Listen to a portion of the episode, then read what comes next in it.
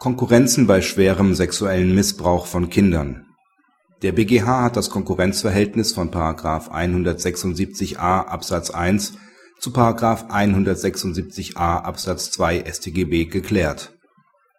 Der Angeklagte hatte ein Kind sexuell missbraucht und dabei auch den Qualifikationstatbestand nach § 176a Absatz 2 Nr. 1 StGB verwirklicht da bei ihm zudem wenige Monate zuvor eine Verurteilung wegen einer Tat nach § 176 Absatz 1 StGB rechtskräftig geworden war, verurteilte ihn das Landgericht auch aus § 176a Absatz 1 StGB, dabei nahm es Tateinheit zwischen den Taten an.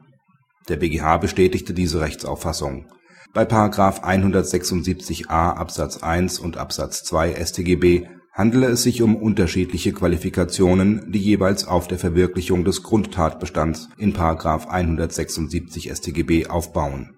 Die Strafverschärfung in den unterschiedlichen Absätzen von § 176a StGB beträfen jeweils unterschiedliche Unrechtsaspekte, weshalb die Annahme von Tateinheit sachgerecht sei.